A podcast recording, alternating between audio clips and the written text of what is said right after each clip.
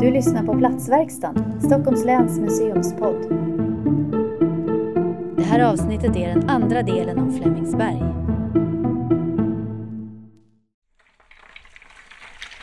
Hej och välkomna till ett nytt avsnitt utav Platsverkstans podd. Mitt namn är Daniel Salén, jag är arkeolog på Stockholms länsmuseum. Och jag tänkte att vi skulle prata lite grann om arkeologi och kulturmiljö i Flemingsberg. Och just nu så står jag på Södertörns högskola eh, på väg för att träffa Kerstin Kassel som är docent i arkeologi och lektor och prorektor på Södertörns högskola. Och jag står på en plats som kallas Moas båge som ligger mitt i på eh, torget utanför receptionen på, till högskolan.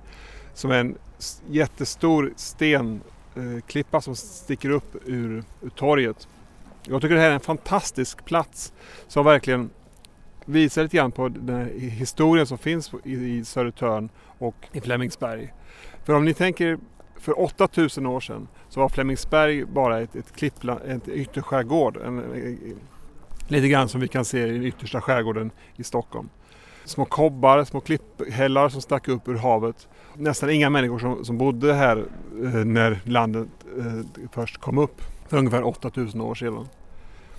Eh, och sen så börjar människorna sakta men säkert ta sig in på Södertörn och troligtvis till att börja med så kom man tillfälligt, eh, besökte, mm, besökte de här klipporna och de här kobbarna. Kanske på vintern, kanske på sommaren med kanoter.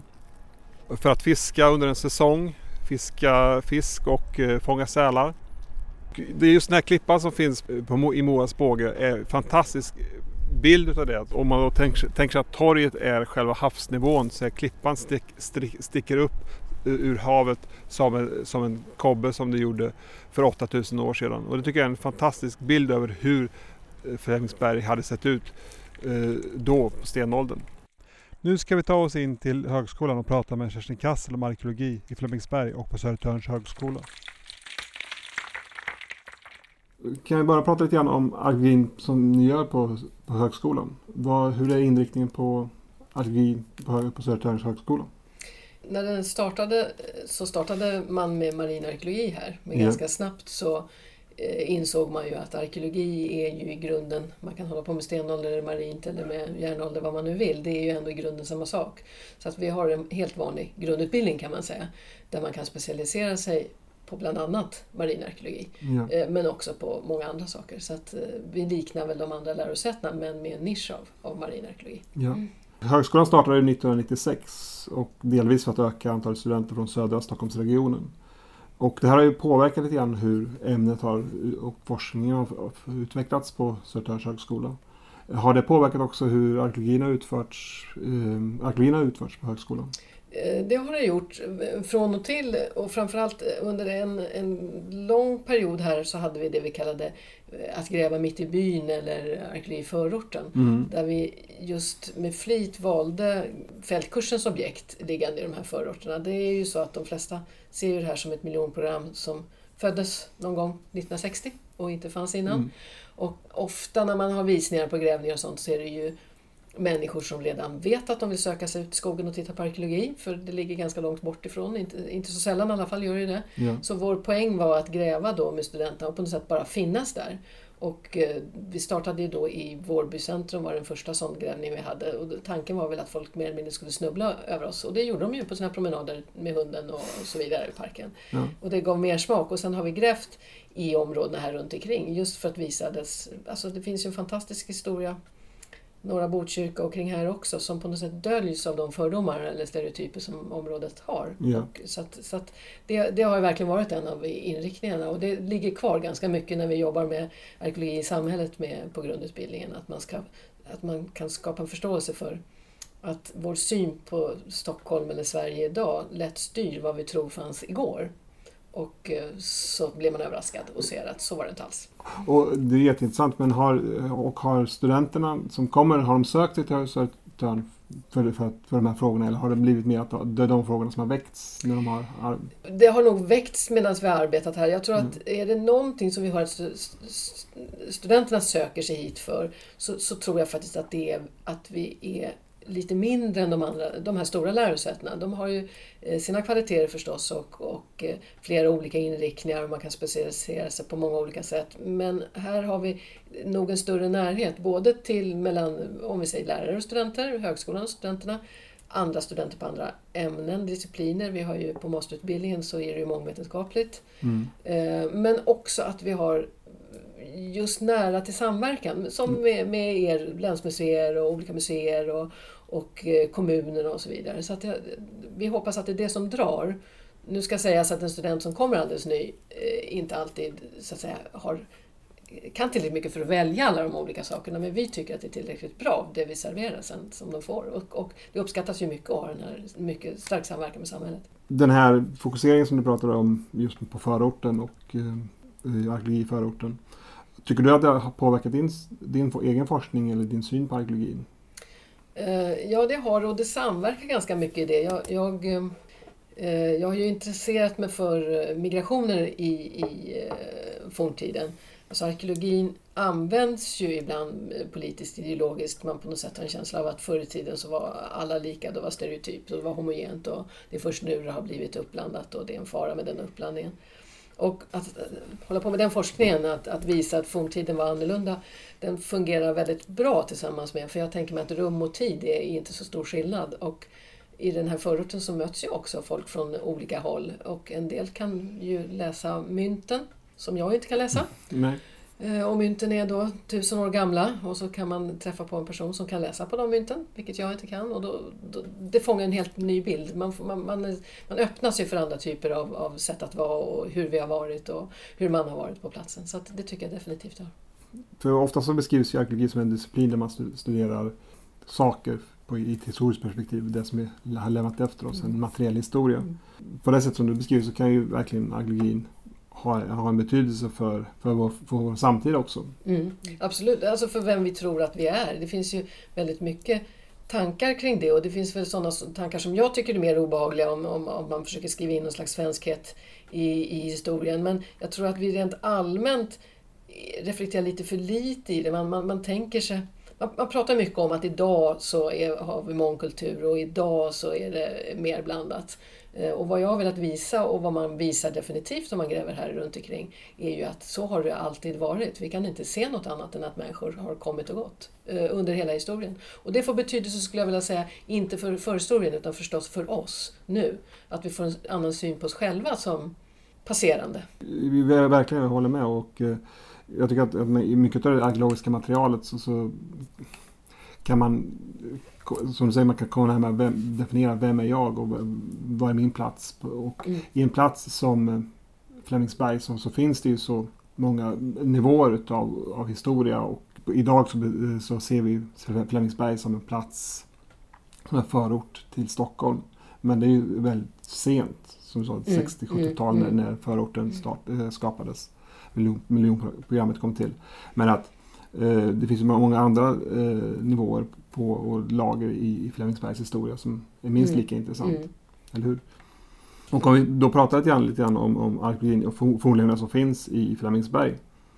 Vilka fornlämningar finns representerade i Flemingsberg och vilka har du undersökt? Det som är spännande precis, högskolan är ju Sveriges eh, äldsta sådana kan man säga. Eller det är intressant att säga det på mm. det sättet eftersom det är ändå mm. Sveriges yngsta. Eh, vi har ju de här lämningarna under parkeringen och eh, under rondellen borta vid, vid alléinfarten och så vidare, som ju är en äldsta stenålder. Alltså när vi har skärgårdslandskap här långt ut. Det är måsar och sälar som kvack, kvackar och skäller. Och det är väl i och för sig de mest spännande spåren och, och kanske som syn för Flemingsberg är att de är så osynliga. För de, de är inte helt lätta att få åskådliggjorda. Men det ska ändå sägas att, att eh, att när folk får veta det så blir folk väldigt glada över det. Och jag brukar visa fynden från det. Eh, just inte de här grävningarna, men den typen det. Och, och, och har forntidsvandringar här, för snart har all personal gått de här forntidsvandringarna. Eh, och jag har gått med dem i Norra Botkyrka på de här kickoffer och släpar runt i fornborgar på kickoffer. Jag tycker inte det där verkar så roligt egentligen, men de tycker det är jätteskoj. Och jag tycker att det är roligt att, att helt eh, vanliga människor fångas så mycket av det. Eh, men stenåldern är ju egentligen det, är liksom det här starka, att man kommer hit direkt så att säga, nästan när, när, ja, när man kan ta sig hit på en liten kobbe. Sen finns ju det här fantastiska gravfälten eh, som ligger under pendeltågsstationen och den parallella vägen. Som inte heller fick den uppmärksamhet kan jag tänka som mm, det borde ha fått. Eh, det finns ju en liten bit av en gotländsk vildsten med lite soldjur på. Det är ju en helt extraordinär fynd förstås. Men har ju inte lyfts fram alls och ligger på en pall i Tumba. Så den, den, skulle jag verkligen önska att vi kunde få hit på högskolan och kanske ha en monter i receptionen eller någonting sånt. Redan den visar också på ett resande. Ja. Eh, att folk kom hit och så vidare. Eh, så de gravfälten, jag har pratat med högskolan om vi skulle vilja, jag skulle vilja skylta de här tillsammans med arkeologistudenter. Att man faktiskt sätter upp skyltar och studenter kan göra de här och, och, och kanske göra en kort bakgrund som man kan hitta någon annanstans för att lyfta fram de här. För det är så lätt eh, idag att tro att det inte finns, fanns något på en sån här plats. Och, och många av de här gravfälten ligger ju lite avskilt i dagens Flemingsberg. Ja, och nu är de ju övermöljade så att säga. Ja. Så att nu, nu ja, ja, de ja, ja, precis. dessutom. Ja, precis. Ja, jo, visst, ja. eh, det är det ju. Men det finns, Ja. också, det finns ju gravfält kvar som bakom Flemingsbergs gård och så. Ja, precis. Pre- Just det, precis. Ja. Det gör Och- det ju. Och sen Olången har vi ju som är helt fantastisk. Men det ligger ju som sagt på skogen. På Ja, precis. Ja, ja. Nej, för oftast, eh, eh, ofta tycker jag att de här eh, järnåldersgravfälten är ju oftast ganska så synliga i Mm, landskapet. Och som du sa, så, så de, sten, de här stenålderslämningarna som, som, finns, som, som finns, eller som har undersökts, de är ju rätt så osynliga och Mm. anonyma. Mm. Medan eh, järnålderslämningarna är my- mycket mer framträdande. Mm. Vi har gravfält kanske inne i en park eller i ett landskap. Jag tror att det kanske har påverkat vår syn på hur vi relaterar och, till de här olika perioderna. Mm. att, att, Ja, det, det, det tror jag också. att Naturligtvis så mon- monumentaliteten gör ju att järnåldern är lättare att, att, att visa upp. Samtidigt så om man säger de, här stenbitarna var det någon som slog för eh, 8000 år sedan. Det, det, det tar ganska hårt på folk att de får ta i de bitarna. Mm. Och, det, och de, de får vi ju liksom låta folk ta i och, och titta på. Så att, eh, det gäller att tänka på ett annat sätt när man ska visa upp dem. Och vi uppfattade nog att när vi, vi har grävt i Vårby, vi har grävt i Hallunda, vi har grävt Fornborgen här borta vid Flemingsberg. Även om man då tycker det ser ut som en puckelpist in i Vårby centrum, mer eller mindre Mm. med de här eh, gravarna och en del är riktigt, riktigt stora. I Hallunda är det likadant att det är ju storhögar verkligen. Det är ju ändå ingen som ser dem om man inte visar upp dem. Så på något sätt så behövs i alla fall, både för stenålder och järnålder, någon som liksom guidar in i, i vad det här är. Och då är det inte så dumt att det står arkeologer i vägen som vi ju gör med våra studenter ett litet tag. Eller att det står skyltar i vägen. För man, de flesta människor ser inte de här sakerna som vi kanske då är helt, eh, ja, Ja, eh, vi- vi för oss är det helt naturligt. ja. Nu står vi ett stycke från Flemingsbergs gård där det finns två fornlämningar, två gravfält från järnåldern. Inga utav dem är utgrävda. Så att det man har gått från när man har daterat dem det är formen på gravarna. Och det, det som finns här det är en form av gravhögar och de är typiska från folkvandringstid och fram till vikingatid ungefär. Det, här är grav, två gravfält som är från yngre järnåldern.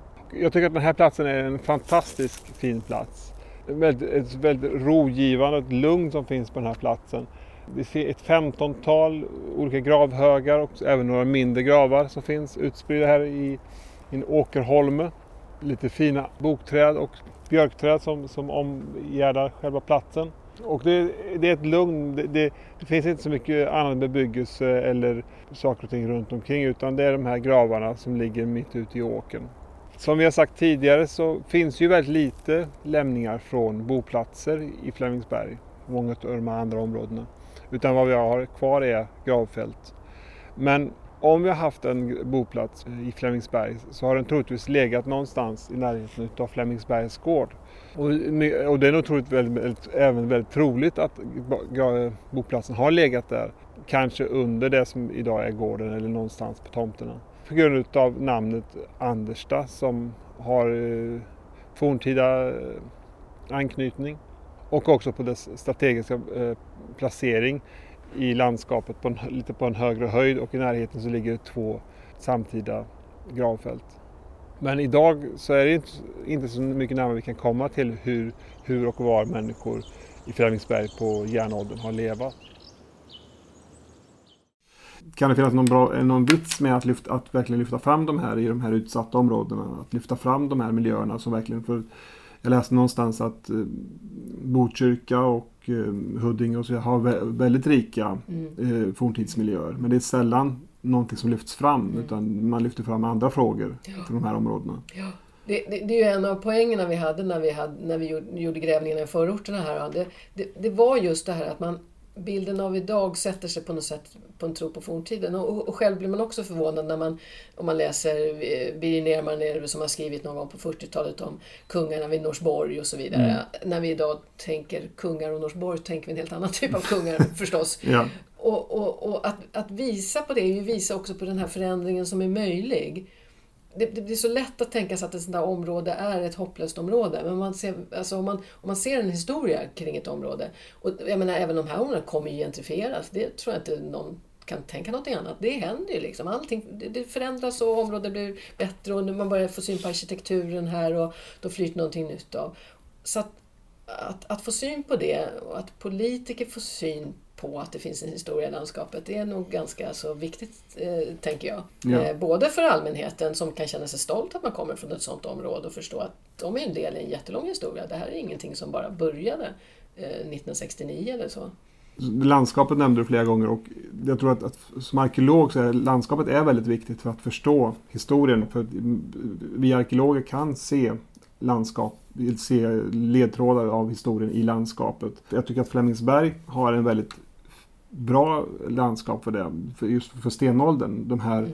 rätt så branta Mm, mm, klipporna mm, som sticker upp. Mm, mm. Och du pratar om de här kobbarna som, som fanns, Mm. ytterskärgårdslandskapet som fanns på stenåldern. Och det kan man verkligen se i de här miljöerna i Flemingsberg. Där vi har de här, Och vi har våtmarken kvar som är Ja. ett minne av Ja. havet om man säger Ja. så. Så att får folk syn på det så, ja, alltså, så så förstår de det på ett bättre sätt. Som, som man inte Ja. tänker på när man rör sig annars i, i det här. Mm. precis. Och en, en sån plats är ju just här precis utanför ditt kontor på mm, Moas båge. Mm. Den, här, den här klippan som går upp Mm. just på, på, Mm. på torget där utanför högskolan.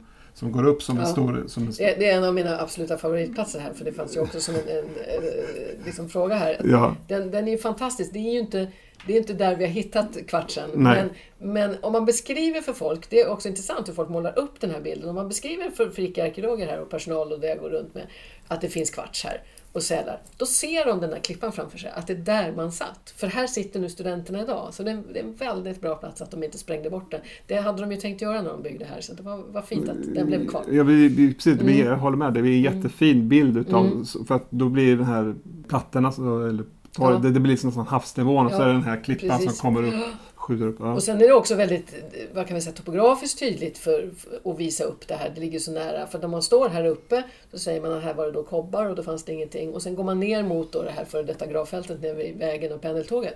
Och då förstår en, en icke-invigd också Mm. den här tanken om Ja. hur det här kommer upp ur havet verkligen Ja. på riktigt. Och hur, hur mer och mer det kan bli åkermark av saker och ting och, och det som inte fanns från start. Så det är ett effektivt och fint område. Men man, man, man kan tillägga är ju också, det, det är lite intressant, jag hade, höll ett invigningstal för lan- landstingspolitiker här som det ska ju byggas ut det här i Flemingsberg med Mm. stora satsningar och så vidare. Och då pratar man ju bara nu egentligen. Och då eftersom jag är arkeolog och rektor så, så höll jag ett tal och så berättade jag om historien bakåt. Och då blir alla otroligt förvånade. Ja men kan det finnas sånt? För de flesta människor tror att det är sällsynt på något sätt med fornlämningar Mm. och spår. Och kan det verkligen ha funnits i det här området? Och då förstår man hur de tänker. Men en arkeolog kan ju också hjälpa till med det här man gör nu, att man bygger ett dagcentrum som är väldigt kompakt här på campus och sjukhuset. Och ett sovplats som är husen. Och att det är problematiskt att dela in världen i vaken och, och, och stängd. Det är liksom det som var problemet med miljonprogrammen. Och här fortsätter man tyvärr att gör, Mm. tänka på det sättet. Att, att när, man, när alla går hem här från det här stora campusområdet och business och allt vad man nu ska ha, så blir det stendött. Och det Mm. blir inte ett bra område. Man borde ha lite sprick, sprickor i detta också. Ja, Det är en, en arkeologs eh, tanke om det hela. Ja, det, jag håller, håller helt med. Just det här med, med Flemingsbergs historia, som du säger, det, det, kan man ju se också i, jag, i platsnamnen som finns i dagens Flemingsberg. Flemingsberg namnet Flemingsberg kommer från Flemingsbergs gård. Som, som jag tror är väldigt anonym, folk inte känner till så Nej. väl. Eh, Och många av de här eh, områdena, Visätra och Björnkulla och så vidare, är ju namn på gamla torp. Mm. Och, och Flemingsberg, alltså det kommer ju från, han döpte ju om det kort kort från Andersta. Ja, Eh, den här så kallade diplomaten eller vad man nu kan kalla honom, Ja. eh, Fleming den yngre. Och Ja. han döper ju om det här och det heter ju Andersta från början och Andersta är, jag är inte en ortnamnsmänniska men har lärt mig egentligen Sjöönden, Ennersta. Mm. Så det betyder gården vid Sjöönden. Och då får man ju också en bild av hur det såg ut här. För Ja. till gården vid Sjöönden så fanns alltså en sjö och så vidare. Mm. Det är klart man ska lyfta fram de namnen, de Ja. är ju jättekul. Eh, Vi, vi, vi- har ju pratat nu om, om vattennivån och eh, landskapet och vi ska väl säga det till alla lyssnare att, att på, på stenåldern så har ju det här varit, vattnet har ju gått mycket högre i Flemingsberg. Och det har varit mest en yttergårdsskärtslandskap. Medan på, på järnåldern då har vattnet, eller landet höjt sig mer. Och då har, men då har vi fortfarande Flemingsbergsviken har gått mycket djupare in och eh, varit mer vatten. Mm. Eh, Orlången gick ut till Östersjön får vi säga. Ja, Mm. precis, precis. Så det har varit, fortfarande varit en, ett, ett marint landskap Mm, mm. även då. Ja, nu står vi i Flemingsbergsviken en kall decemberdag. Fantastiskt fint väder, det är blå himmel, det blåser lite. Men det är fantastiskt att vara här och se det här fina landskapet. På ena sidan av Flemingsbergsviken så har vi de här branta klipporna som störtar ner i, i viken. Och på andra sidan så har vi början av Flemingsbergsskogen.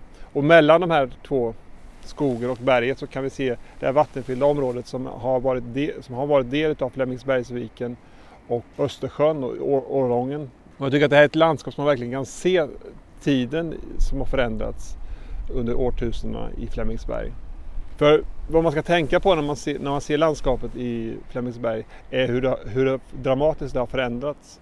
På stenåldern så hade vi alltså vattennivåer som var långt mycket högre, kanske 45 meter högre vattennivå än vad vi har idag. Och då hade vi mer ett skärgårdslandskap i Flemingsberg. Vi har kobbar och skär, en ytterskärgård. Det var ett fåtal platser som stack upp ur vattnet. Och det var de här platserna som stenålderns säljägare för kanske 8000 år sedan nådde med, antingen med sina kanoter eller på vintertid när man kom med slädar ut på, kobbarna och eh, rastade där tillfälligt för att jaga säl och kanske för att fiska. Till, till järnåldern så har ju landet rest sig upp efter att glaciär att eh, is, inlandsisen har pressat ner marken. Då har vi en, en vattennivå som var ungefär 5 meter högre än vad den är idag. Och på den tiden så fortfarande så, så, så var vattnet i, i, i Flemingsbergsviken mycket högre än vad det var idag och troligtvis del utav, utav Östersjön och Orlongen. Och då kan man tänka sig att, att, man, att vad man hade var skepp som kom in från Östersjön in rätt så långt in i landskapet. Så det är fortfarande ett marint landskap som vi hade här i Flemingsberg under järnåldern och vikingatiden. Några arkeologiska lämningar som vi har kvar från de här, eh, den här perioden det är ju de här fornborgarna som kantar Flemingsbergsvik. Exakt vilken funktion de här fornborgarna hade det vet vi inte så mycket om. Eh, antingen så kanske det var eh, någon form av skyddsanläggning, en plats dit man gick när man orostider. Men det kan också vara en utkikspunkt där man har sett ut över det här vattenlandskapet i Flemingsbergsviken. Eller så kanske det har varit en rituell plats där man har samlats för att eh, utföra någon kultiska aktiviteter. Flemingsbergs högskola har ju grävt ut delar av eh, den ena fornborgen, den som ligger vid Visätra. Tyvärr så hittar man inte allt för mycket eh, fyndmaterial som man kunde säga någonting om hur platsen har använts. Man hittade lite träkol som man kunde datera till ungefär till eh, vändeltid. Men det, det mesta som finns kvar är de här stenbumlingarna som man har lagt som en, som en mur runt om klippan. Och på andra sidan Fredriksbergsviken så, så har det också legat en fornborg. Den ligger idag inne i eh, sommarstugor och eh, villaområdet som ligger uppe på, uppe på klippan. Så man vet inte exakt hur stor utbredningen av den här fornborgen är och hur mycket som finns kvar av den. Men troligtvis så finns det vissa lämningar kvar inne i hustomterna. Och sen ligger det fler eh, fornborgar längre bort ner längs Flemingsbergsviken närmare ner mot Orlongen. Och det vi har kvar av det här landskapet idag då vi kan se lite av den här vattenmiljön som har funnits tidigare. Det är den här dagvattenanläggningen som ligger i Flemingsbergsviken. Och um, bara delar man kan se att, att det är en våtmark, att, att det är vatten som, som har funnits här. Det är ett tydligt, tydligt tecken på uh, att, att det verkligen har varit ett, ett vattenfyllt område tidigare. Och sen i utkanten av det här området så har vi nu eh, en bebyggelse som börjar torna upp sig från både äldre torp och hus men också eh, nya villabebyggelser som, som börjar byggas upp i, i Huddinges villaområde. Tror du att de här platserna kan ha en viktig betydelse för hur människorna identifierar sig eh, med, med en specifik plats? Ja, ja, det tror jag. Just för att man ser sina föregångare. Och, och i sina föregångare inte ser en person som är exakt likadan som en själv. För, för som sagt, det är lätt. Jag tror att folk som bor här ute och kanske inte kommer från Stockholm eller inte, inte liksom känner sig hemma. De tänker att det här är något nytt. Här har inte funnits någonting. Mm. Det är liksom en slags nykolonisering. Och det är klart att det är mycket intressantare att gå omkring i sitt område om man går ut med hunden eller vad man är ute och jagar och funderar på att där fanns det kanske tobaksodlingar och här låg det ett litet torp och, ja, och här satt, satt de och, och, och gjorde skinn av en säl eller någonting sånt. Det, mm. det är klart att det ger ett värde åt, åt där man bor, speciellt de här områdena som är nästan historiska på något sätt. Man tillskriver dem en slags mm, ingenting. Ja, och då, det kanske kan vara ett problem med det nya namn som man har tänkt för, för Flemingsberg, eller för delar i alla fall av Flemingsberg. Stockholm South Business District. Ja, om jag ska vara lite... Ja, det tycker jag. Definitivt. Jag, jag har mycket svårt för den typen av namn. Jag tror inte att det är som man säljer in. Nej, nej det, det, är någon optimism som kanske som för att skapa något nytt som du säger. Men då kanske man förlorar någon relation Ja, för de människorna som bor här och de, de, som har varit här länge, även vi som jobbar här, eh, så känns det väldigt sökt. Du pratade tidigare inledningsvis om att ni har gjort många utgrävningar i området mm. och i Vårby och i Flemingsberg och Hallunda. Ni var på eh, Fornborgen mm. i Flemingsbergsviken. Mm, mm. Eh, och så har, men så har ni också utgrävningar som har varit längre bort som i Vång, Västra Vång i Blekinge. Blekinge. Och ja. Eh, har, nu är vi i Gamleby, Västervik. Ja. Förra året och kommer vara i år, äh, ja, i år till vårterminen. Ja. Precis. Vi har grävt med Kulturmiljövården Mälardalen i, uppe i Västerås. Så att vi har haft olika och det, och det gör vi väl. Det är klart att det är viktigt med det lokala livet där man bor och så, och att vi ska synas här. Men jag vill heller inte måla in mig i någon slags lokal regional arkeologi utan det är viktigt att se annat och vara på andra platser. Och, och det, det allra viktigaste kan man säga är att när vi gör eh, fältarkeologin för, för våra studenter, det är framförallt den andra terminens studenter som, som gör det, även om också masterna kan vara med, eh, och de förmedlar mest och, och medan de andra gräver, så, så är ju det är viktigt att vi gör det med samverkanspartners. Vi är så små och vi kan ju bara göra små gropar och hål egentligen ja. Eh, när man gör de här korta grävningarna och studenten ska lära sig mycket. Men det är ju viktigt att göra med någon som vill veta något, har en forskningsfråga eller att vi har ett stort projekt på ett museum som vill ha hjälp med någonting där vi kan ta en del av. Det ger också studenten en helt annan kontakt med det, vad kan vi säga, arkeologin utanför forskningsgrävningarna och utanför liksom, det sätt vi gräver på, som, som, som ju är väldigt liksom, speciellt och ganska liten skala. Ja. Ehm, så att, då har vi sökt oss till sådana samverkanspartners som har velat göra det tillsammans med oss och eh, gjort det bra och studenterna får se någonting annat. Så att vi, vi är ju också ute i Sverige förstås och det är viktigt att vi skickar våra studenter också ut. Mm. Och det är ju säkert en viktig del för utbildningen att man får vara med mm. på de här projekten. Mm. Både lokalt som du säger och, och nationellt. Men tycker du att det blir någon skillnad om man arbetar då, om man säger att man jobbar hemma vid eller här i Flemingsberg mm. Eh, än om man jobbar i Västra Vång om vi tar det som ett exempel. Är det någon skillnad på hur man relaterar till, till det man gör? Ja, det, det är ju det. Till del handlar det ju väldigt, till del handlar det ju om projektets eh, alltså syften med grävningen, om man säger så. Vi hade, väldigt, alltså vi hade ganska stark idé, det var en stor förmedlingsidé eller träffa folk-idé eller mm. låta, låta oss liksom vara ute i samhället när vi, när vi gjorde grävningarna här i förorten. Vi, hade, vi gjorde, en del var till exempel att de på avancerad nivå, det hette D-nivå på den tiden när vi hade väl här, de gjorde ett museum på kommunala biblioteken. De gjorde en jättefin utställning uppe i kommunala biblioteket uppe i Flemingsberg med en, en fornborg i gips och, och ett gravfält och så vidare. Och vi fick hit Evert Boudou, den kände professor emeritus. Mm. Han grävde gravfältet här, han kom hit. Ja, han lämnade in sin rapport 40 år för sent kanske, någonting sånt. Just för att han liksom tyckte det var så roligt och nu blir det uppmärksammat så. Och då har vi haft en ganska stark sån tanke. Vång ligger ju, i en fantastisk plats, ligger ju mitt i skogen och det var helt otroligt att våra studenter var där när vi, guldgubbar och sånt hittas. Men det är klart att det blir en annan typ av grävning och då, och då får man ut andra saker.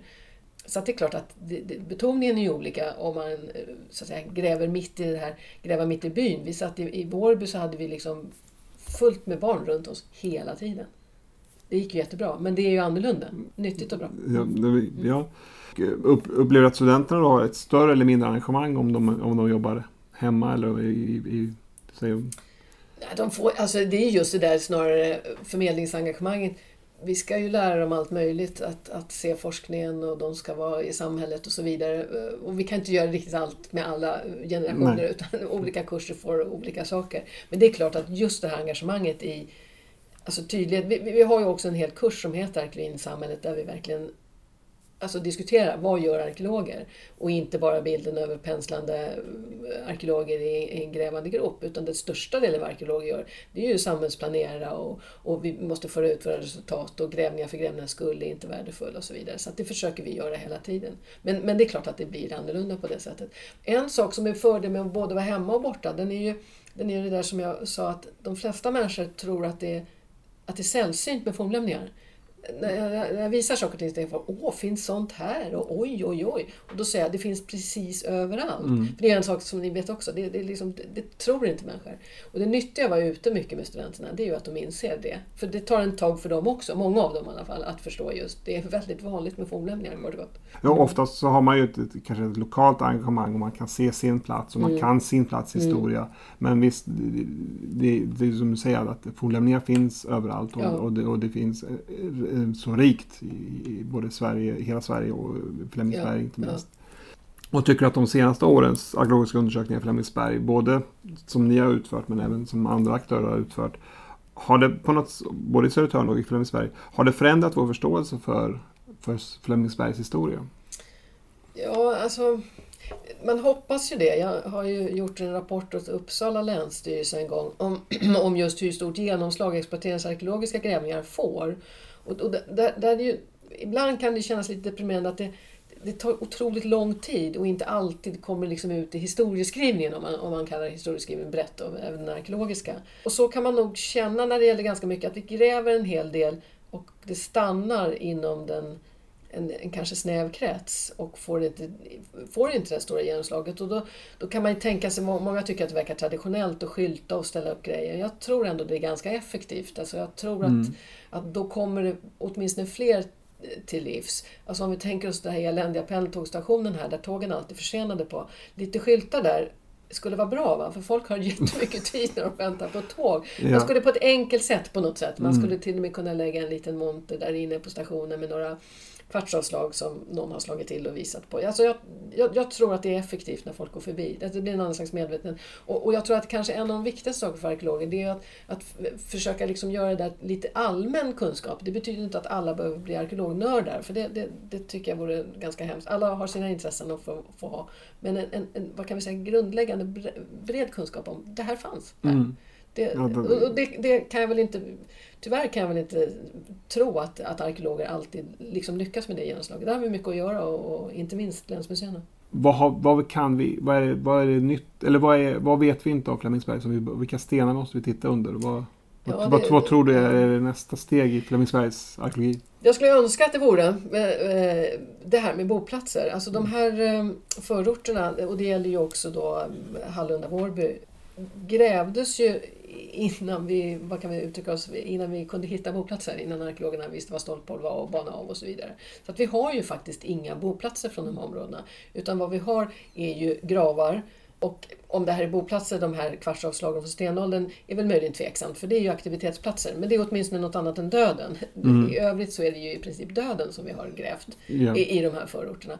Så att jag skulle verkligen önska att man fick möjlighet på de klattar som är kvar då, att, att titta på det sättet. Och det kan ju inte den forskande arkeologin göra, för det är, ju, det är de stora och bra insatserna. Det är ju det här gräva med grävskopa. En boplats hittas ju faktiskt på det sättet. Det är fantastiskt med exploateringsarkeologin som har givit oss ett boplatsmaterial. Det tänker man inte heller alltid på. Det, det är, forskning klarar inte allt. För forskningen, när man gräver, man gräver där man vet att det finns något och man gräver ganska lite. Ja. Medan exploateringsarkeologin har den här resursen att gräva mycket i linjer och så vidare. Jag hoppas verkligen på att det skulle kunna komma en exploatering i det här området som ligger så till att vi kunde få lite boplats, bronsålder, järnålder. Och det kanske är något som är positivt med det nya projektet eller det nya ja. infrastrukturprojektet i Flemingsberg. Att, man, att vi kan möjligtvis ja, få något ja, sånt framöver. Ja, precis. Mm. Nej, för, ja. För gravfälten har vi ju så att vi har ju boplatserna någonstans förstås. Om Ja. de inte redan är bortmöjligade. Jag hade en sista fråga Mm. också eh, som du nästan har sva- svarat på men Mm. jag tänkte, tänkte fråga lite mer om det. Och det var angående hur du relaterar till platsen Flemingsberg Mm. eh, och både nu och och då. Först, hur länge har du jobbat på högskolan? Var väl här och undervisade några korta perioder från 2001 men från 2003, så 15 år tillbaka, har jag varit här nästan hela tiden. Och, och känner du att du har en annan relation till platsen Flemingsberg idag än den som du hade när du började på högskolan? Ja, väldigt, väldigt mycket ska jag säga. Alltså det har ju förändrats också området här, Movas båge. Vi satt i byggbaracker när, när jag kom hit. Så, Ja. att, så att det är ju stor skillnad. Men även kunskapen om det. Även för någon som, som är arkeolog, det skiljer sig ju förstås. Det var ju jättekul när, när de grävde för stenåldern här nere på parkeringen och, och liksom se det. Det, Mm. det blir ju annorlunda av det när man verkligen ser det. Vi visste ju att det fanns stenålder här, men, men det var det. Så att jag har en, en ganska annorlunda syn på det. Och också hela historien fram, alltså den här underbara tanken om att man, när man byggde det här så byggde man alltså sjukhusstaden. Och sen är då Flemingsberg, det är sjuksköterskestaden. Och så var tanken att man skulle bygga en läkarvillaort. Eh, och den kunskapen, som är, det är alldeles nyligen man gjorde sånt, idag skulle man aldrig kunna uttrycka sig så. Och det är en ganska kort tid tillbaka Ja. man uttrycker sig i, i, i sådana ordalag. Så att, ja, det, det får en att se andra saker. Vi har ju nämnt äh, heter det, Moas båge flera gånger som Mm. en av dina favoritplatser. Mm. Har du några andra favoritplatser i Flemingsberg? Ja, Jag, ty- jag tycker nog att söka sig ner till, till just eh, Olången eller våtmarkerna Mm, ja. och gå längs viken där. Alla dessa fornborgar, gravfält. Alltså det är ju jättefint. Ja. Och det är så kort bit härifrån. De flesta, när jag tar ut på, på, på promenader här så, så går vi och, och då det bullrar väldigt mycket och man kommer ner i industriområdet här nere i Flemingsberg. Det låter ju och det ser ju tråkigt ut. Och så går man runt hörnet och det blir helt tyst. Mm. Det blir som, som en barriär och så är det bara grönt och det är jättemycket fåglar och det är fantastiskt mycket fornlämningar. Så att det, det är ju det bästa med Flemingsberg, att man har ju verkligen naturen här. Och det tänks ju sällan på det, men, men det är oerhört fint tycker jag. Ja, det, jag håller med. Det finns Mm. fantastiska miljöer i Flemingsberg som man kanske inte alltid tänker på. Tack så jättemycket. Tack själv. Jätteskoj att vi fick komma hit och prata med dig. Och tack alla ni som lyssnade. Du har lyssnat på Platsverkstan, en podd producerad av Stockholms läns museum. Vill du veta mer om oss och hitta fler avsnitt? Gå in på stockholmslansmuseum.se